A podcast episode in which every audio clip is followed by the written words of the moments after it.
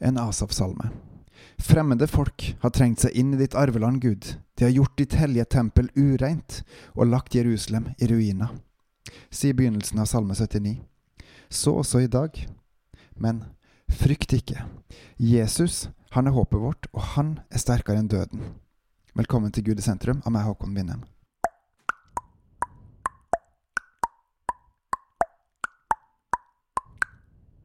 Salme 79.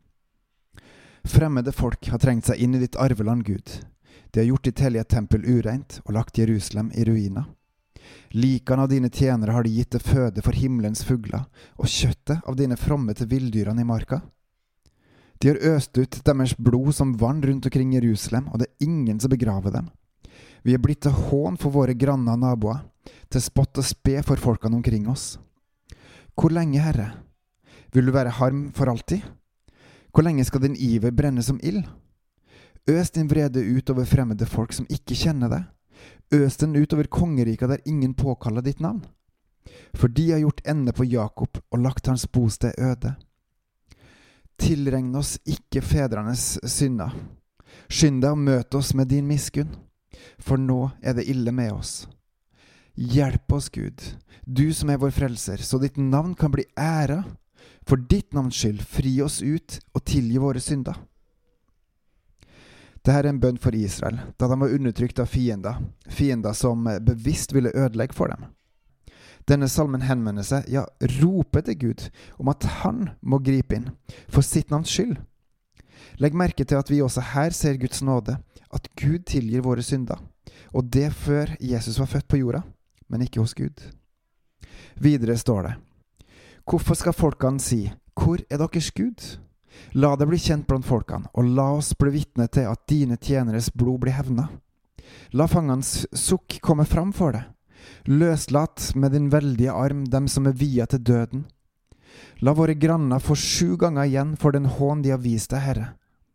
Men vi, ditt folk, den jord du vokter, vil lovsynge deg til evig tid, forkynne din pris fra slekt til slekt. Hevn og rettferdighet går igjen i denne salmen.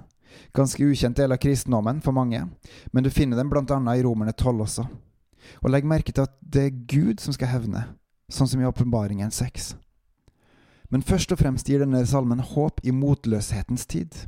Som før har Guds folk opplevd bunnløs fortvilelse og angst av ødeleggende motstand, og gang på gang har Gud utfridd de som helhjerta har omvendt seg til Han. Bare se til kongene i Sørriket etter David, og motsatt vei. De som venner seg til Herren, de vil bli befridd. Ikke som en jordisk makt, men som en himmelsk makt og herlighet som ingen kan stjele eller ødelegge, for det vi har, har ikke de tilgang til.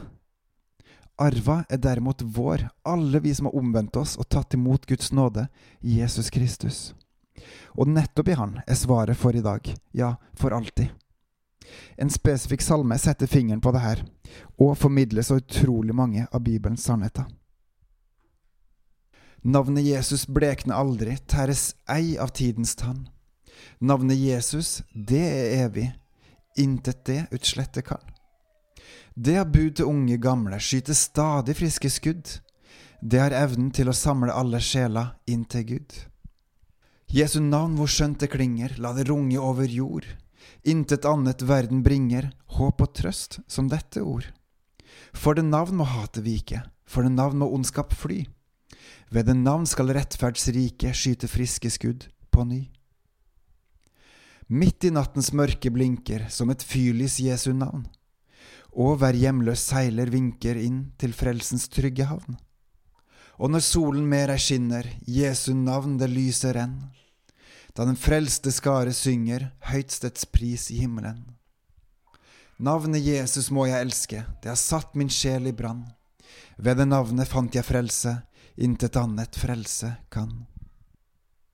Bebels og på gjenhør.